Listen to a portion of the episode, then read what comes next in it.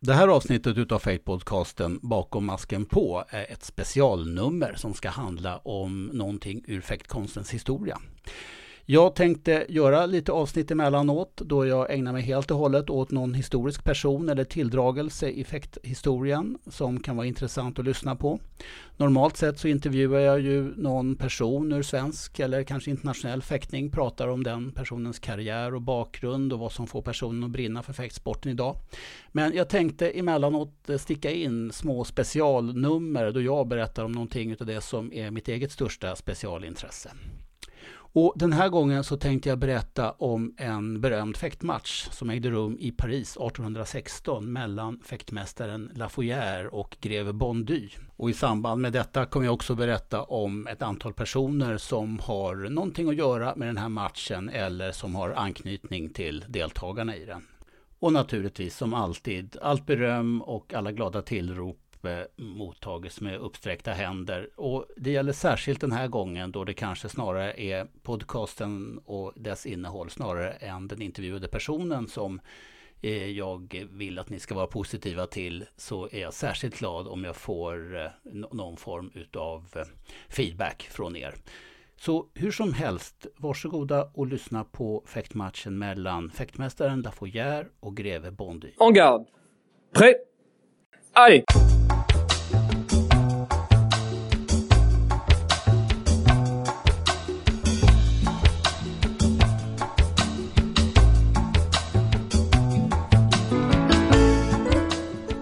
På insidan av dörren till det som var Bela kontor på Djurgårdens fäktsal i Hjorthagen i Stockholm så hängde det förr i tiden en tavla som var en svartvit tavla på en historisk duell. Alla som tränade på Djurgården eller som har vuxit upp på Djurgården under 70, 80 eller 90-talen måste ha lagt märke till den här tavlan och, och kommer ihåg den. Den föreställer två stycken fäktare i en historisk miljö. Det är en match som äger rum i en stor balsal med tända ljus på väggarna och höga fönster mot en trädgård eller en park. Det är en stor publik som sitter och tittar intresserat på en match mellan två stycken fäktare. Den ena är klädd i en enklare plastrong eller fäktväst och den andra har en kråsförsedd skjorta. Och bilden utspelar sig precis då den, den mindre fäktvästklädde mannen i ett perfekt långt utfall tränger igenom den här äh, kråsbröstklädde personens primparad och placerar en stöt mitt i bröstet på honom. Den här tavlan var en av de första saker jag la märke till när jag kom in som 13-åring på Djurgårdens fäktsal och den väckte min fantasi. I nederkanten på tavlan så kunde man läsa en text som löd Den världsberömda matchen mellan greve Bondy och fäktmästaren Lafoyer 1806 i Paris. I mitten sitter den berömde mulatten Jean-Louis som dödade 30 motståndare en eftermiddag i värjduell den här texten och tavlan i sig var fruktansvärt intressant för mig och jag blev genast gripen av den. Och om det var tavlan som väckte mitt stora intresse för historia och historisk fäktning eller om det var historieintresset som drev mig till fäktningen, det, det, vet inte jag, kan inte jag svara på. Men de här två bitarna hängde under min uppväxt och fortfarande väldigt nära ihop. Jag ville naturligtvis ta reda om mer, både om de här två fäktarna som, som var avbildade på tavlan och speciellt om den här berömde mulatten Jean-Louis som hade dödat 30 motståndare en eftermiddag i värjduell. Så att eh, jag började väl försöka nysta i det här och ta reda på vad var det här för bild egentligen och hur kom den till?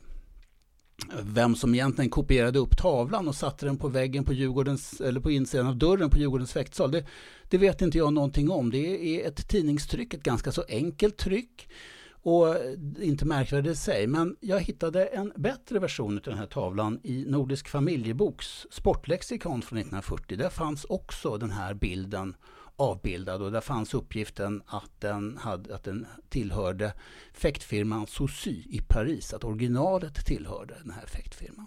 När man tittar lite närmare på bilden så ser man att publiken tittar inte i samtliga fall så intresserat direkt på själva fäktningen. Huvudena verkar sitta lite på sne och de tittar åt lite olika håll som de var påskruvade. Och lite olika stora är de också så att man blir, får ganska lätt intryck av att den här är egentligen porträtt på personer som det är något syfte med att de är avporträtterade och ska finnas med på den här tavlan. Och det stämmer. Eh, när man går till källorna så ser man att den här tavlan inte alls målad 1806. Texten i nederkant på bilden innehåller egentligen en hel del fel. Nummer ett så var det inte 1806 som den här fäktmatchen ägde rum utan den ska ha ägt rum istället 1816, tio år senare och det är en ganska så avsevärd skillnad i fransk historia. Dessutom så dödade inte den här äh, berömde mulatten Jean-Louis 30 motståndare utan betydligt färre. Men jag ska återkomma till honom och till det. Om man fortsätter att analysera den här tavlan och tar reda på mer om den så får man veta att den målades inte heller i anslutning till själva fäktmatchen utan den målades betydligt senare. Den skapades 1886 utav en konstnär som hette Frédéric Regamé. Och han finns med på tavlan. Om man tittar upp på det eh, högra fönstret. Ni hittar den här bilden på min hemsida bakommaskenpå.se. Och om man tittar upp vid det högra fönstret så ser man en liten person som står med ett notisblock invid den ena fönsterkarmen eller dörrkarmen, ett öppen fönster mot en park utanför. Där står en man med ett notisblock eller ett skissblock och gör en avteckning. Och det är konstnären Fredrik Regamé som har målat in sig själv i den här tavlan. Det här var vanligt. Han har gjort det på andra avbildningar utav stora tävlingar och grupper av människor. För att Fredrik Regamé var en man som målade mycket fäktning och som avbildade dueller och fäktmatcher och fäkttävlingar. Det finns, om man intresserar sig för historisk fäktning, många avbildningar av Fredrik Regamé där han har målat den tidens stora fäktare. Franska och italienska huvudsakligen när de har matcher och uppgörelser i olika sammanhang. Och han har eh, också tecknat en hel del historiska fäktmotiv, bland annat för att illustrera böcker om fäktning som gavs ut i 1800-talets slut. Och att han 1886 fick uppdrag att göra den här stora tavlan, eller det tryck som det här resulterade i, det var för att man det här året återupprättade den franska fäktakademin. Akademin hade ju varit kunglig och hade försvunnit under revolutionen då man högg huvudet av de främsta fäktmästarna eftersom de hade varit fäktmästare till kungar och prinsar så fick de följa med till giljotinen.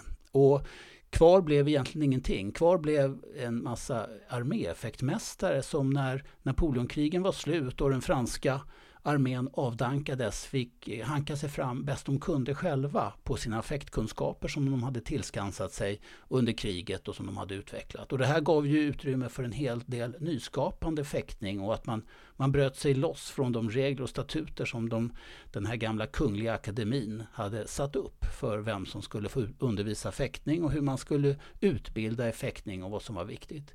Istället så svepte en hel ny våg, ett mer kampinriktat eh, fäktande skulle jag kunna tänka mig in. Och de fäktmästare som hade gått den långa vägen och den hårda skolan, de hade en helt annan stil att undervisa fäktning. En fäktning som ju inte enbart var eh, ämnad för att göra folk eh, gymnastiska och eh, vältränade utan som hade duellfäktning naturligtvis som sitt främsta syfte och mål.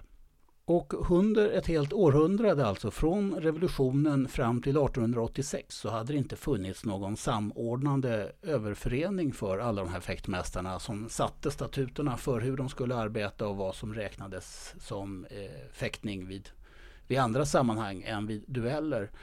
Eh, och det var någonting som man och då återupprättade 1886 och i samband med det kom den här bilden till.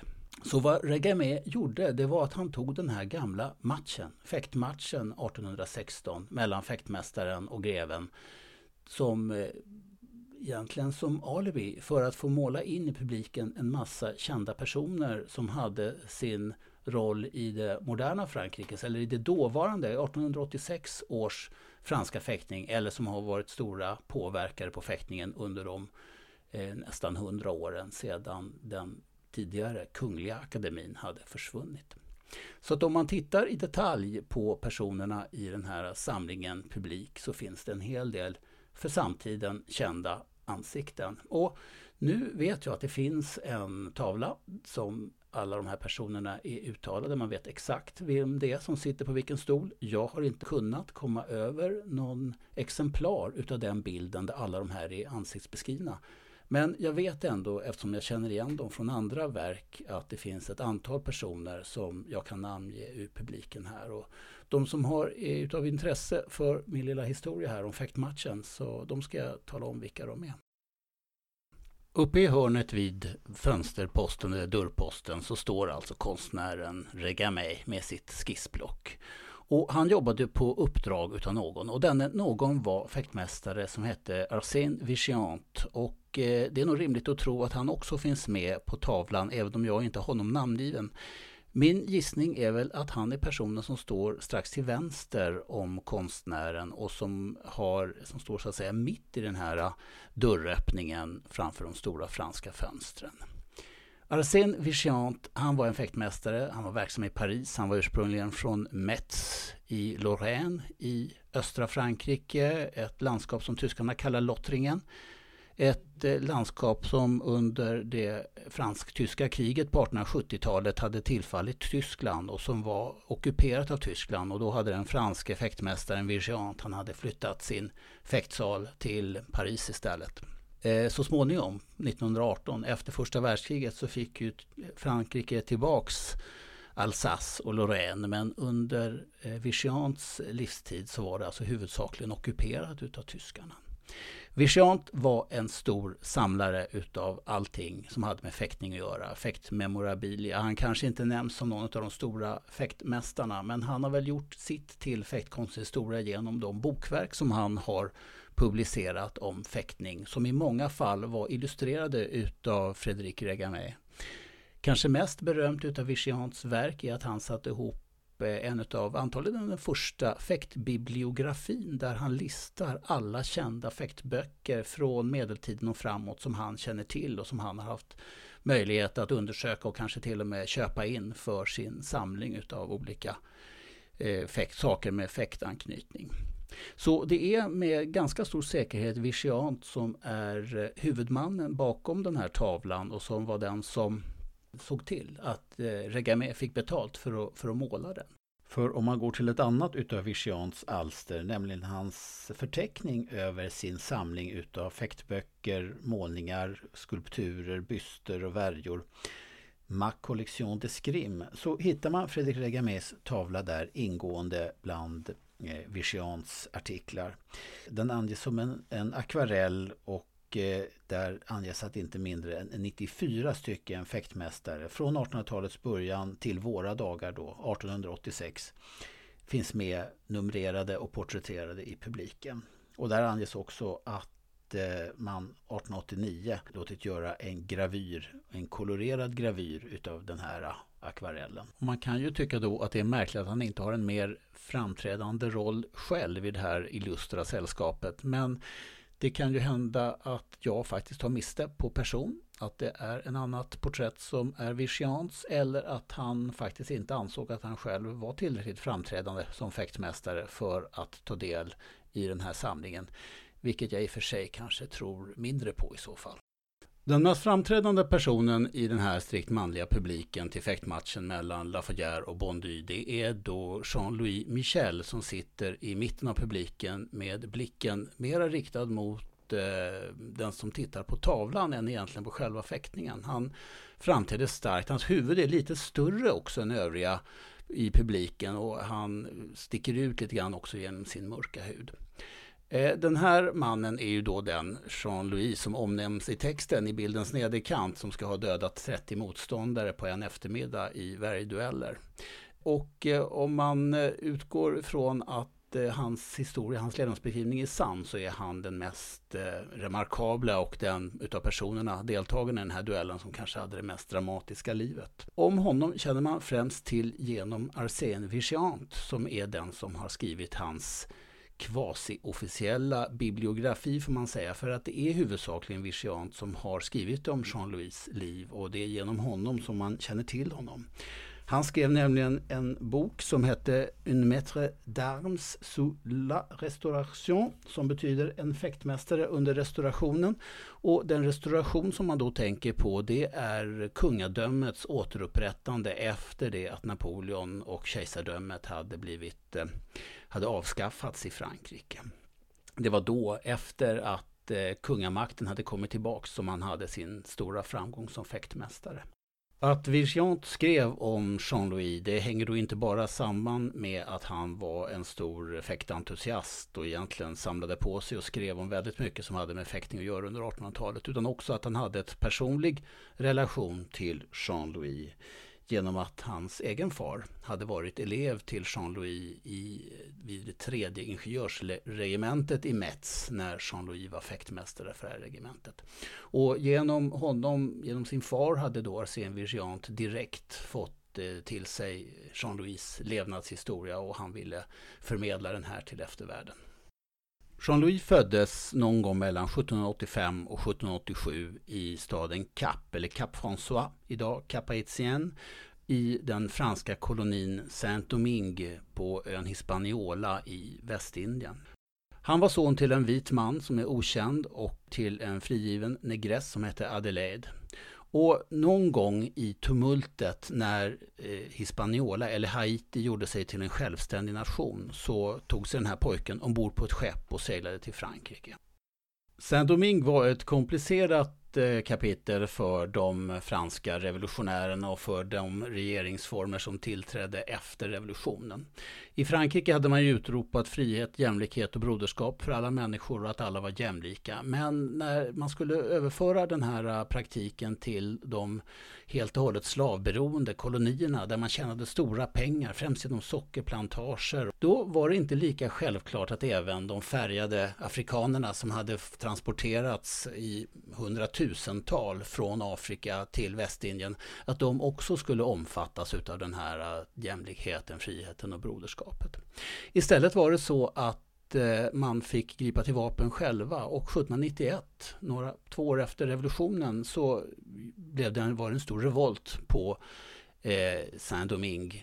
Och man utropade en egen självständig stat. Och efter mycket oroligheter där egentligen de här eh, afrikanerna som hade etablerat sig på Saint-Domingue fick kämpa mot eh, såväl franska som spanska och brittiska arméer så kunde man utropa en egen stat eh, som då fick namnet Haiti som den första stat som egentligen kunde frigöra sig från sina gamla kolonisatörer och, och vara en, en, egen oberoende stat. Och det här hade också en stor påverkan på att man faktiskt helt och hållet efter några år upphörde med att föra in nya eh, färgade från Afrika, alltså nya slavar från Afrika.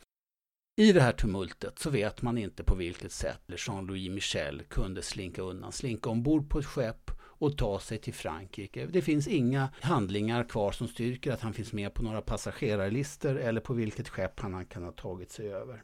Man vet bara att han antagligen enligt egen utsago dyker upp i Montauban i södra Frankrike och och eh, vistas där i, tillsammans med en protestantisk familj några månader för att så småningom ungefär i tioårsåldern ansluta sig till det 32 linjeinfanteriregementet som då var stationerade i Toulon vid eh, Medelhavskusten.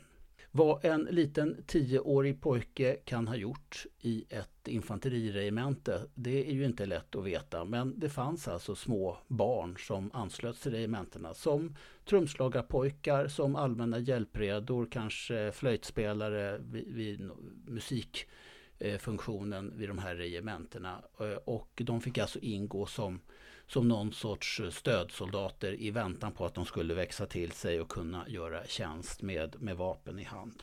Den här lilla färgade pojken ska då alltså också ha blivit retad. Han var ganska kort till växten och man gjorde sig lustig över honom och man tyckte egentligen inte att det här var eh, någon som skulle klara av att följa med armén när den förflyttades så småningom. Så att det fanns de som tyckte att eh, den här grabben skulle man helt enkelt eh, låta få lämna regementet.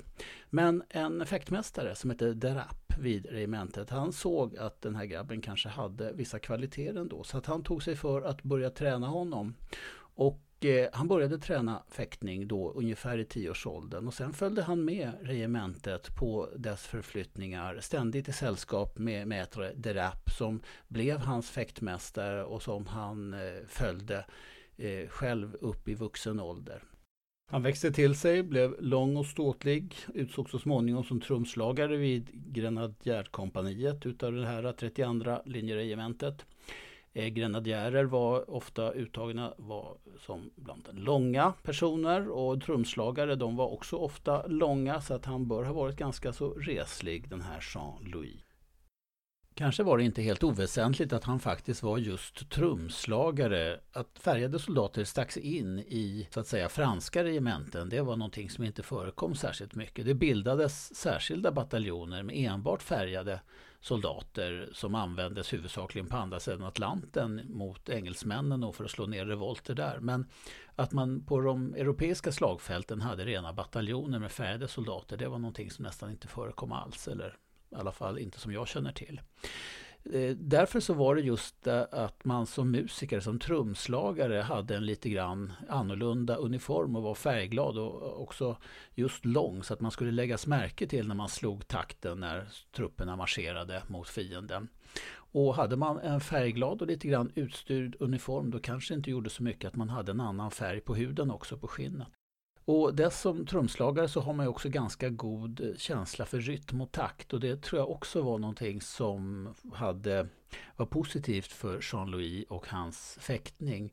Han sägs ha haft en väldigt bekväm gard, en vacker gard. Så där han satt avslappnad gard. Han förenklade väldigt mycket i sina rörelser. Han tog bort sådana saker som man vid den här tiden ägnade sig åt i fäktning. Eh, för liksom att det skulle se vackert ut också. Sånt gav han helt och hållet, eh, lade han åt sidan helt och hållet och förenklade sitt spel med klingan och var väldigt direkt och, och gick efter målet.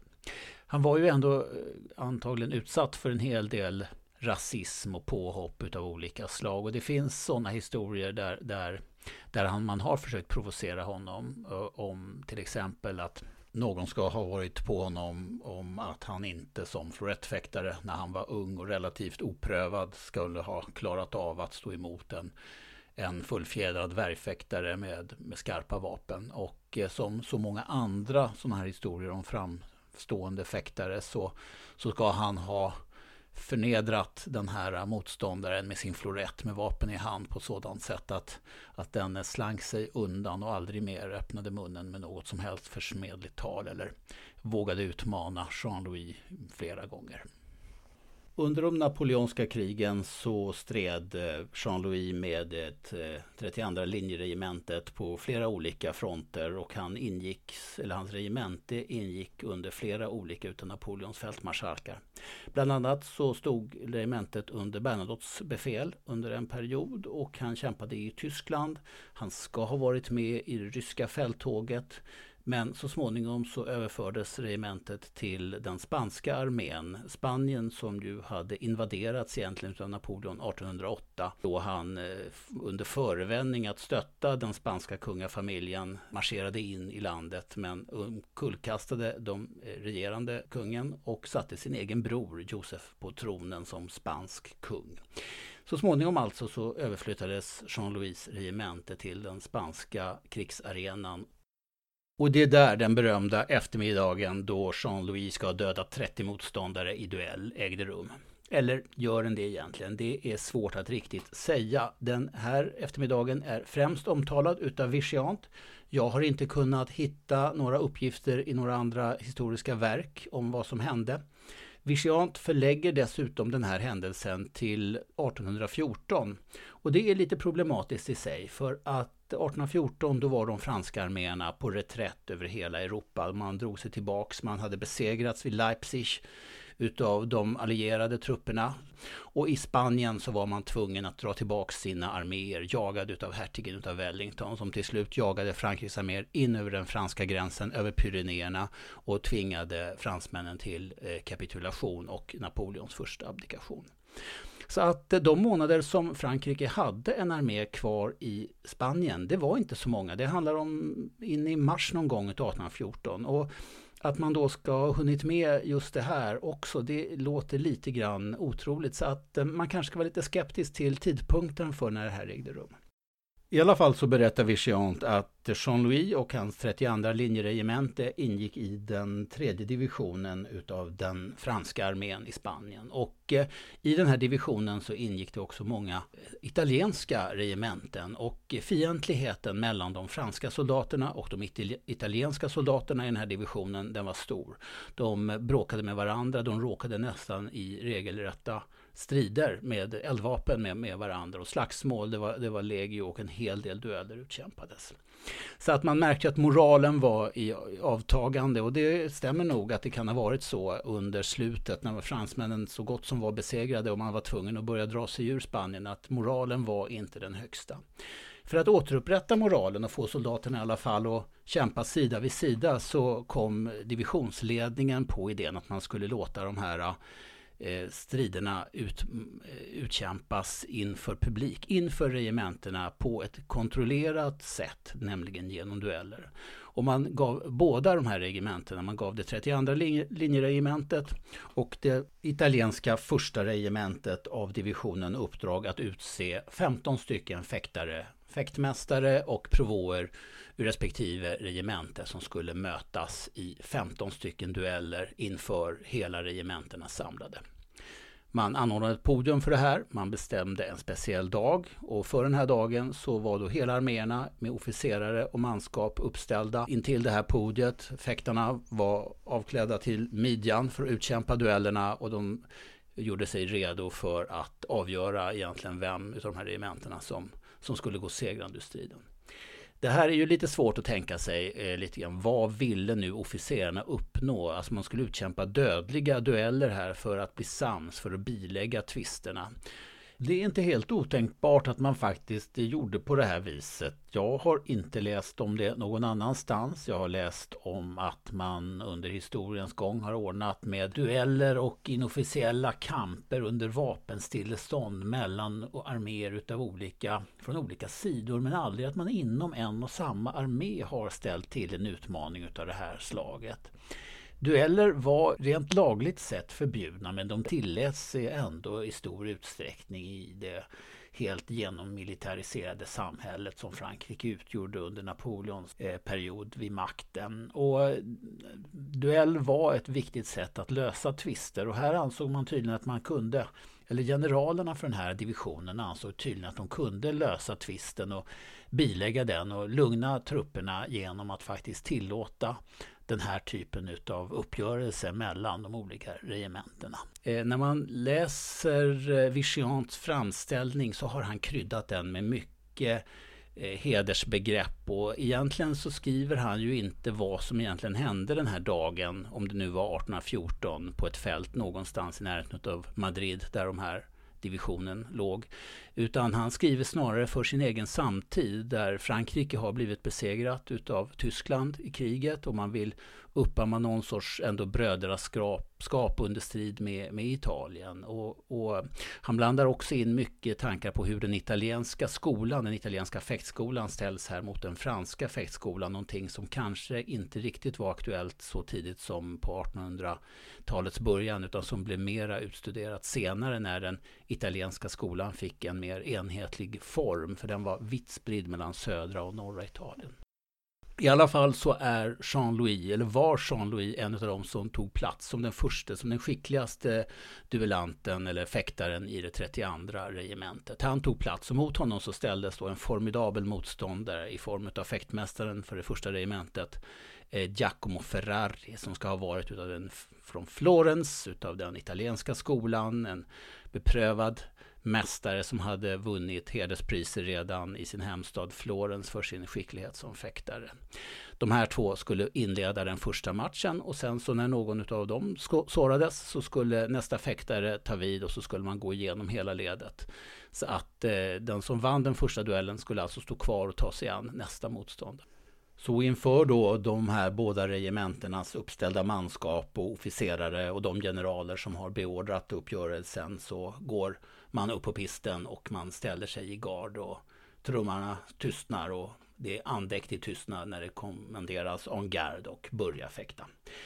Och I den här första duellen så ska då Giacomo Ferrari ha sårats i axeln först, insisterat på att få fortsätta men alldeles strax därefter sårats i bröstet och burits döende från pisten.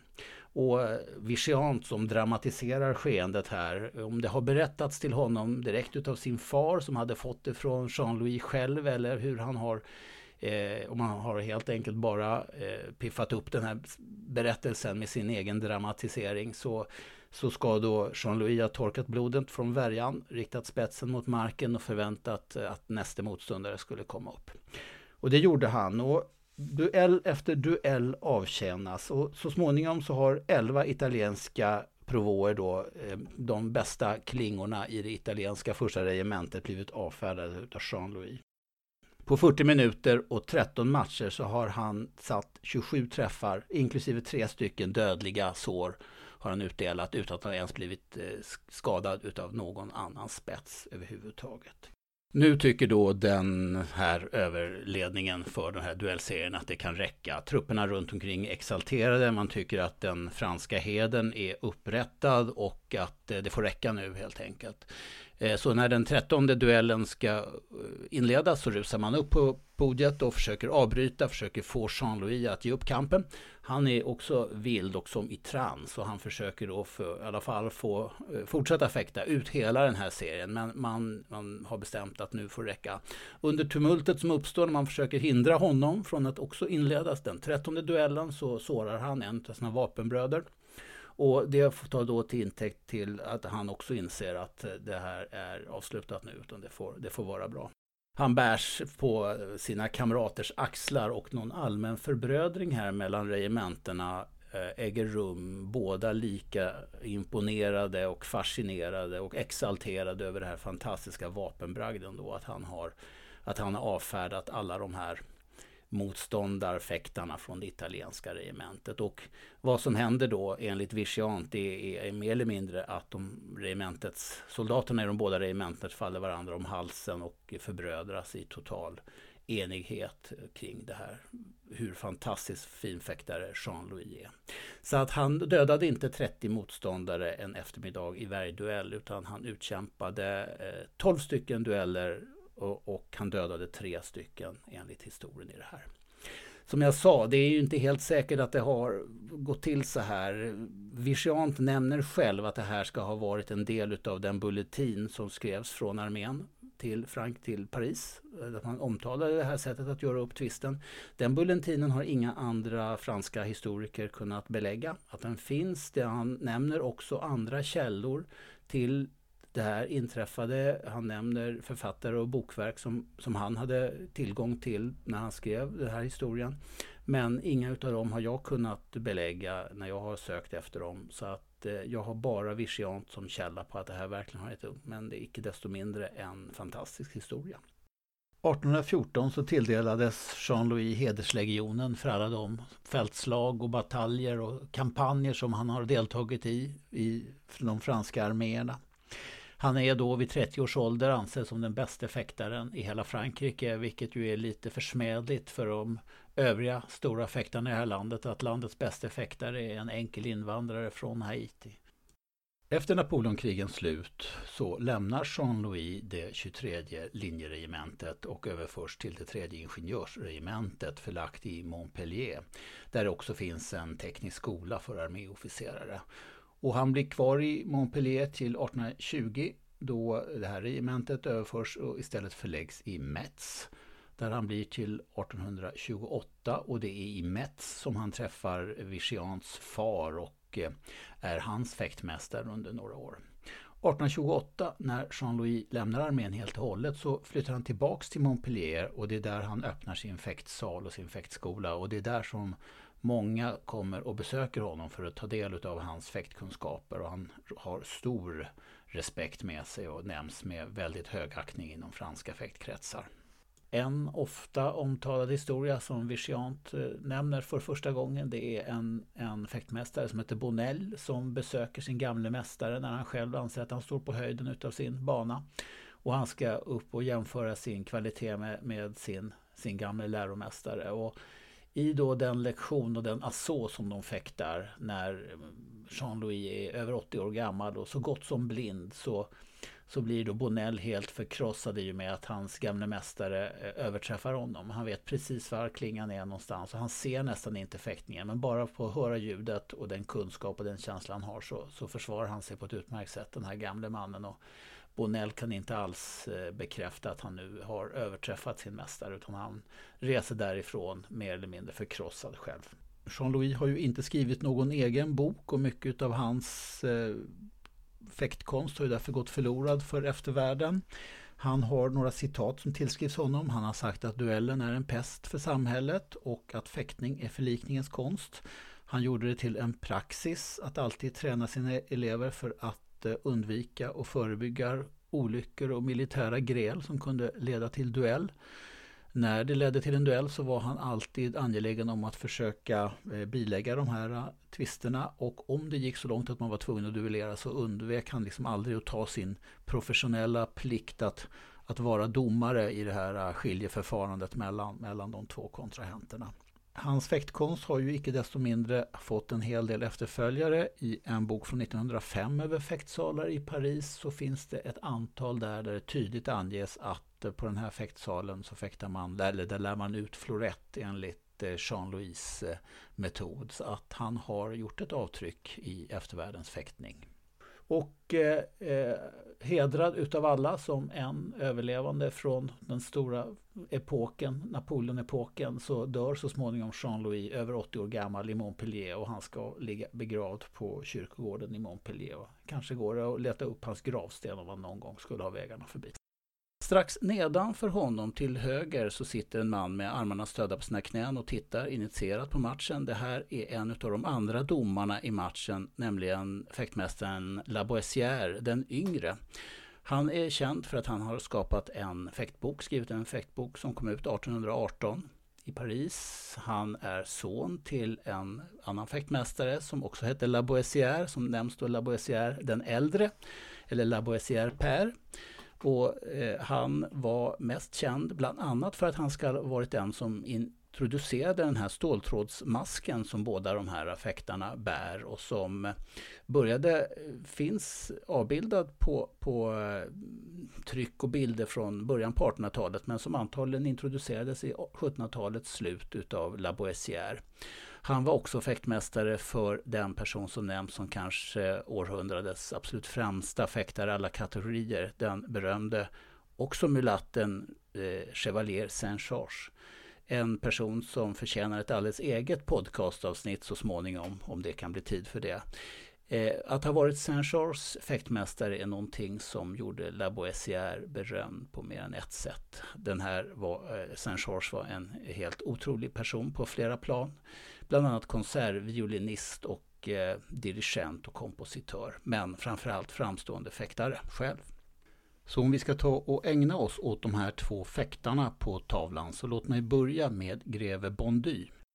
Han hette egentligen Pierre-Marie Taipier och han var vid tiden för den här matchen precis 50 år gammal. Det här var en prominent person i Frankrike på många sätt. Han var eh, född i en rik bankirfamilj och han eh, klarade sig ganska bra under revolutionen men drog sig ändå tillbaka och höll en väldigt låg profil fram till dess att han utsågs till kammarherre hos Napoleon. Och det gjorde han därför att han var eh, bekant, eller han stod nära eh, en person som hette prins Eugène de Bornay som var son till Napoleons första hustru Josephine. Eh, Eugène de Bornay har också lite grann anknytning till Sverige i och med att hans dotter så småningom gifte sig med den svenska kronprinsen Oscar den förste eh, och blev alltså drottning utav Sverige. På det viset så finns det i Sverige finns det en hel del eh, rikedomar, juveler och annat som tillhör kungafamiljen, tiaror och sådant som kommer från den här familjen de Bornay. Han var alltså bekant med greve Bondy och på så sätt så kom greven in i det Eh, kejserliga eh, hovet och blev, eh, och stod under Napoleons beskydd. Han utsågs till en hel del hedersbefattningar. Bland annat så var han en av dem som skickades att ta emot den nya kejsarinnan Marie-Louise när Napoleon hade skilt sig från Josephine och hade tagit en österrikisk prinsessa för att han ville, bli, han ville bilda en dynasti och han fick inga barn med Josefin så att han utsåg den här österrikiska prinsessan till sin hustru och när hon skulle komma till Frankrike så skickades greve Bondy bland andra för att ta emot henne. Han utsågs också till prefekt över departementet Ron och eh, han var med och försvarade när Napoleon hade förlorat slutgiltigt så var greven en av dem som, som eh, stod för att man ändå under någon sorts ordnat försvar utav Frankrike när de allierade trupperna marscherade in så stod han till att förhandla med dessa så att man ändå höll någorlunda försvaret uppe.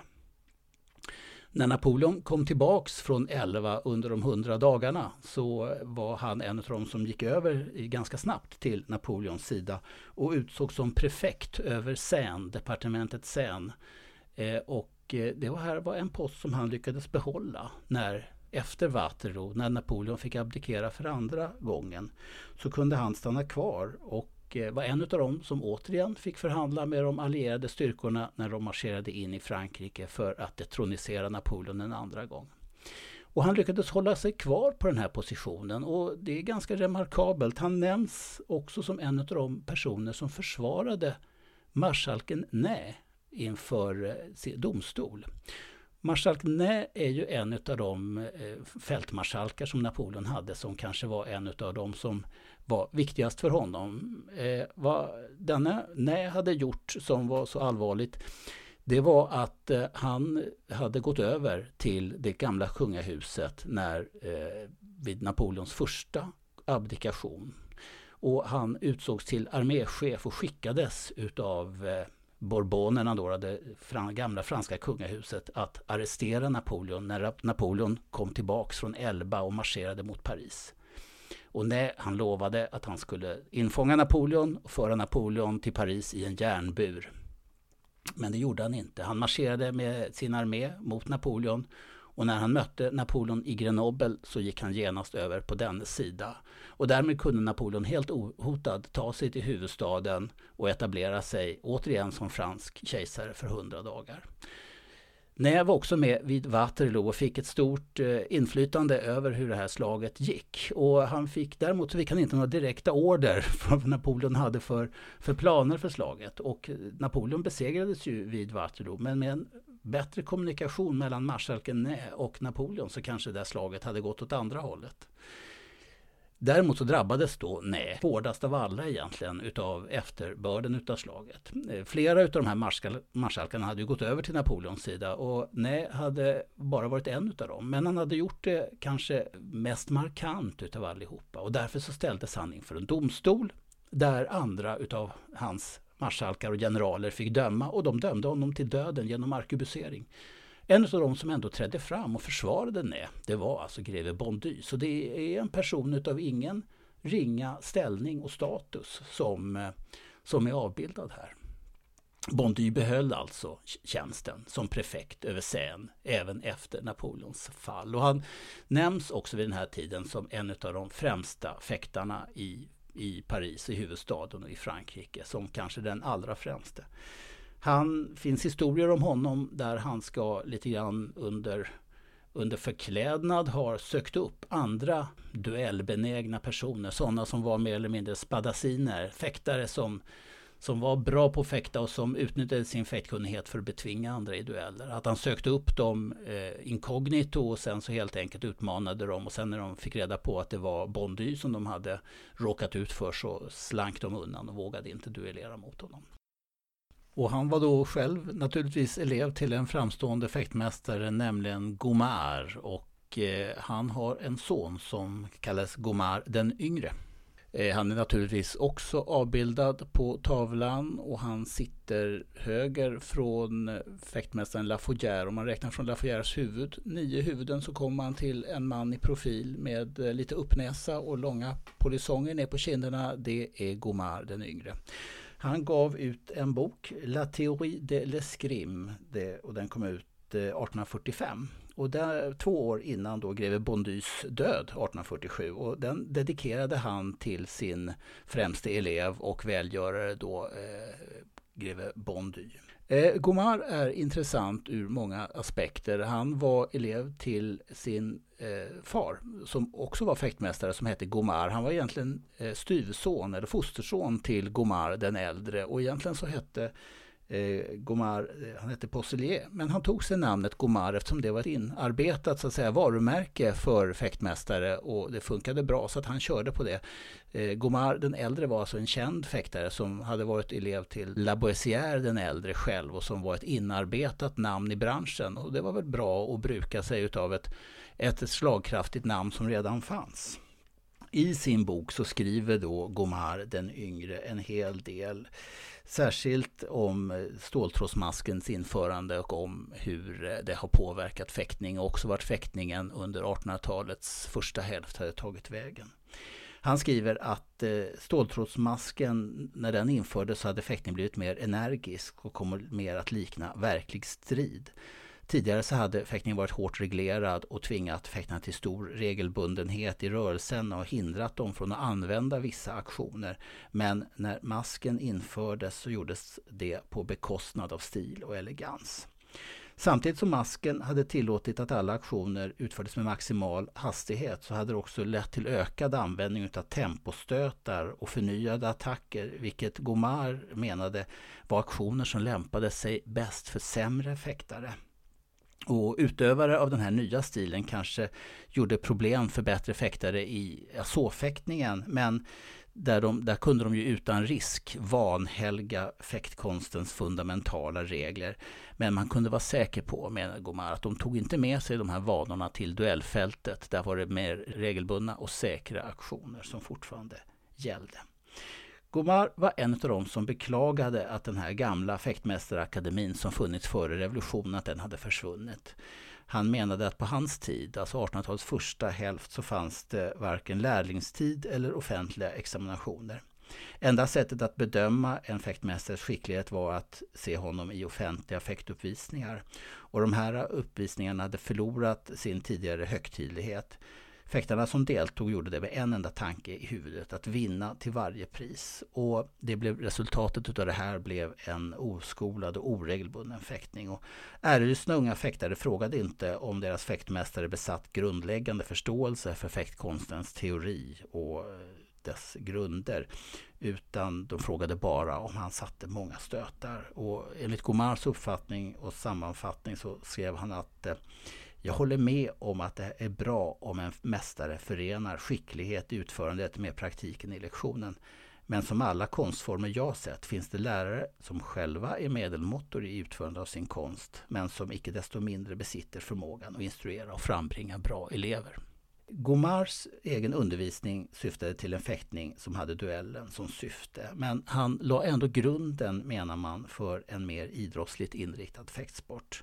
Och andra franska fäktmästare vid samma tid, de fortsatte på den här inslagna vägen. Och en av de böcker som ligger bakom manual, eller den manual för eh, franska armén, Manuel de Scrim från 1877, som ligger som grund för den, var Gomars bok från 1845. Och i den här eh, Manuel de Scrim så bestämdes då att att eh, på alla franska regementen så skulle det finnas en fäktsal och att officerarna skulle träna fäktning varje dag och på så sätt vara ett gott föredöme för sina underlydanden.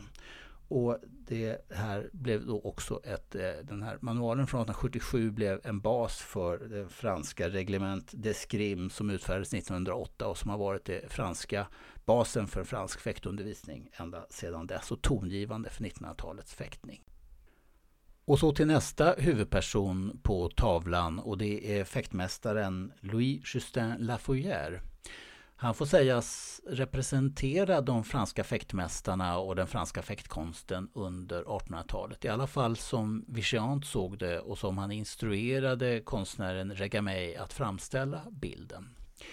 Lafouillère gav själv ut en fäktbok 1825, Traité de l'art de faire des armes och i den så beskriver han dels bakgrunden för sina lektioner och vad som gjorde honom till en bra fäktare och dels så berättar han om sitt liv och vad, han har, vad som har lett honom i livet fram till den dag han skrev boken.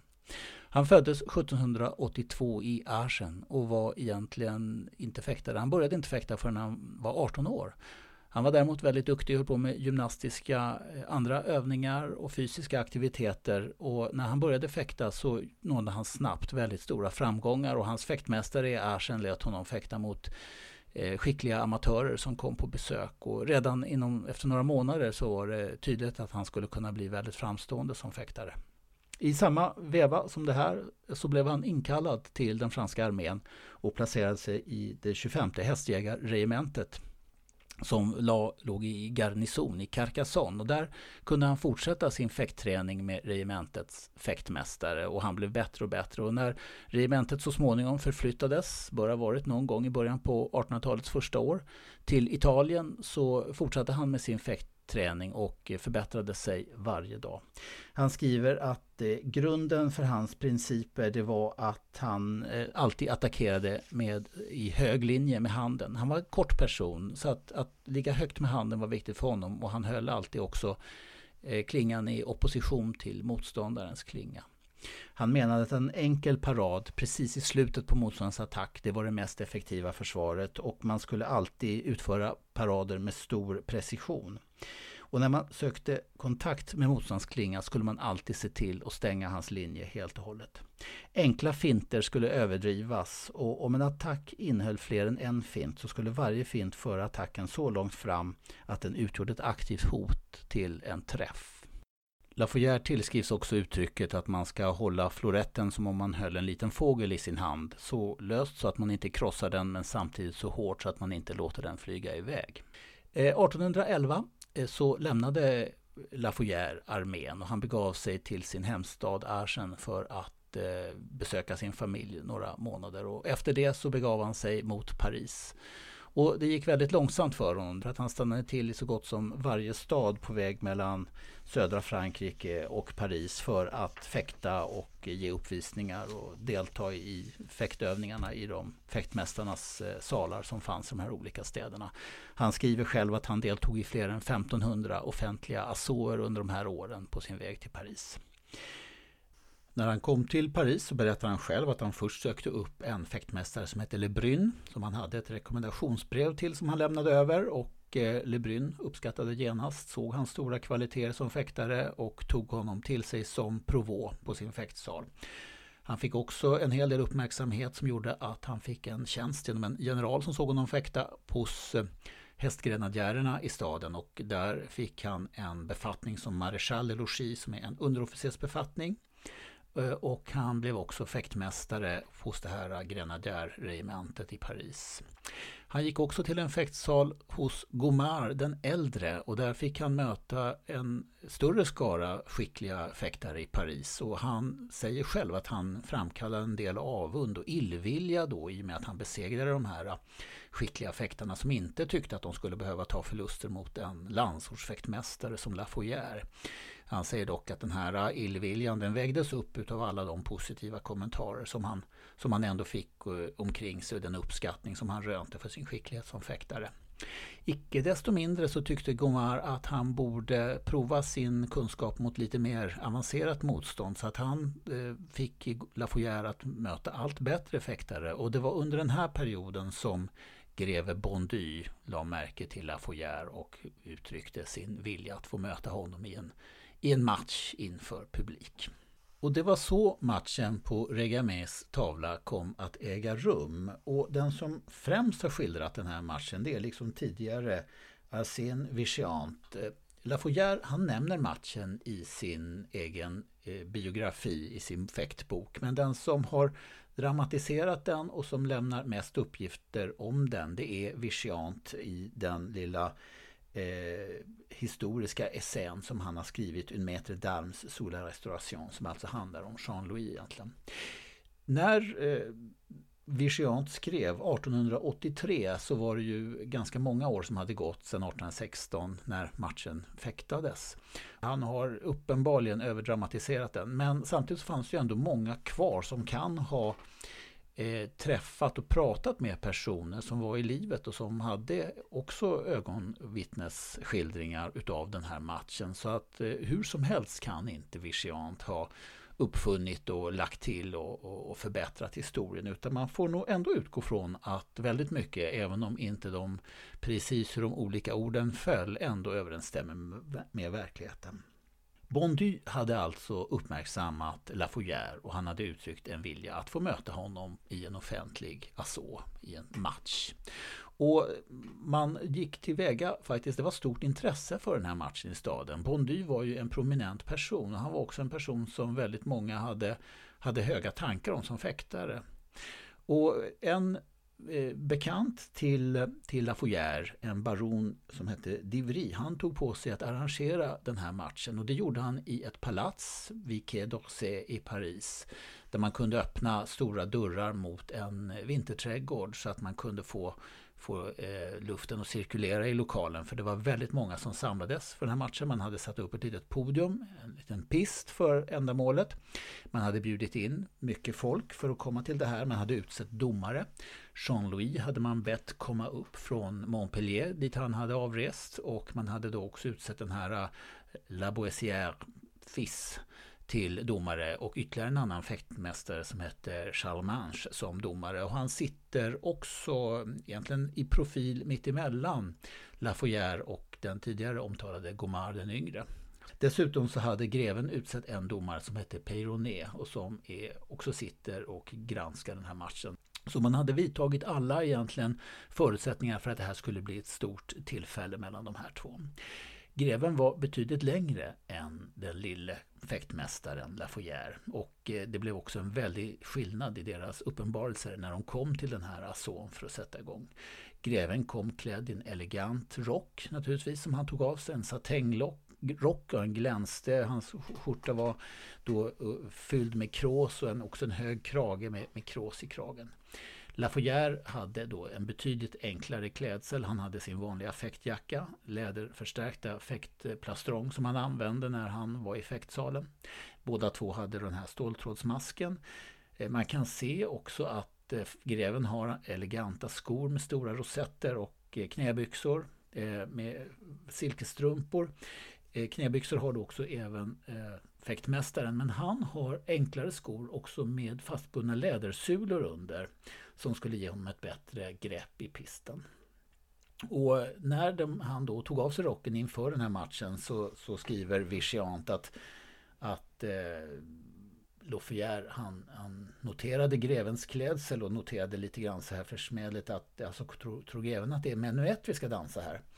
Och han ska också ha kommenterat till greven att eh, vi ska i alla fall fäkta en ganska så hård asså här. Och även om det inte är skarpa spetsar utan vi kommer att fäkta med med, med eh, knappar på floretterna så menar, är ni inte rädda att er, er kostym blir, blir illa åtgången.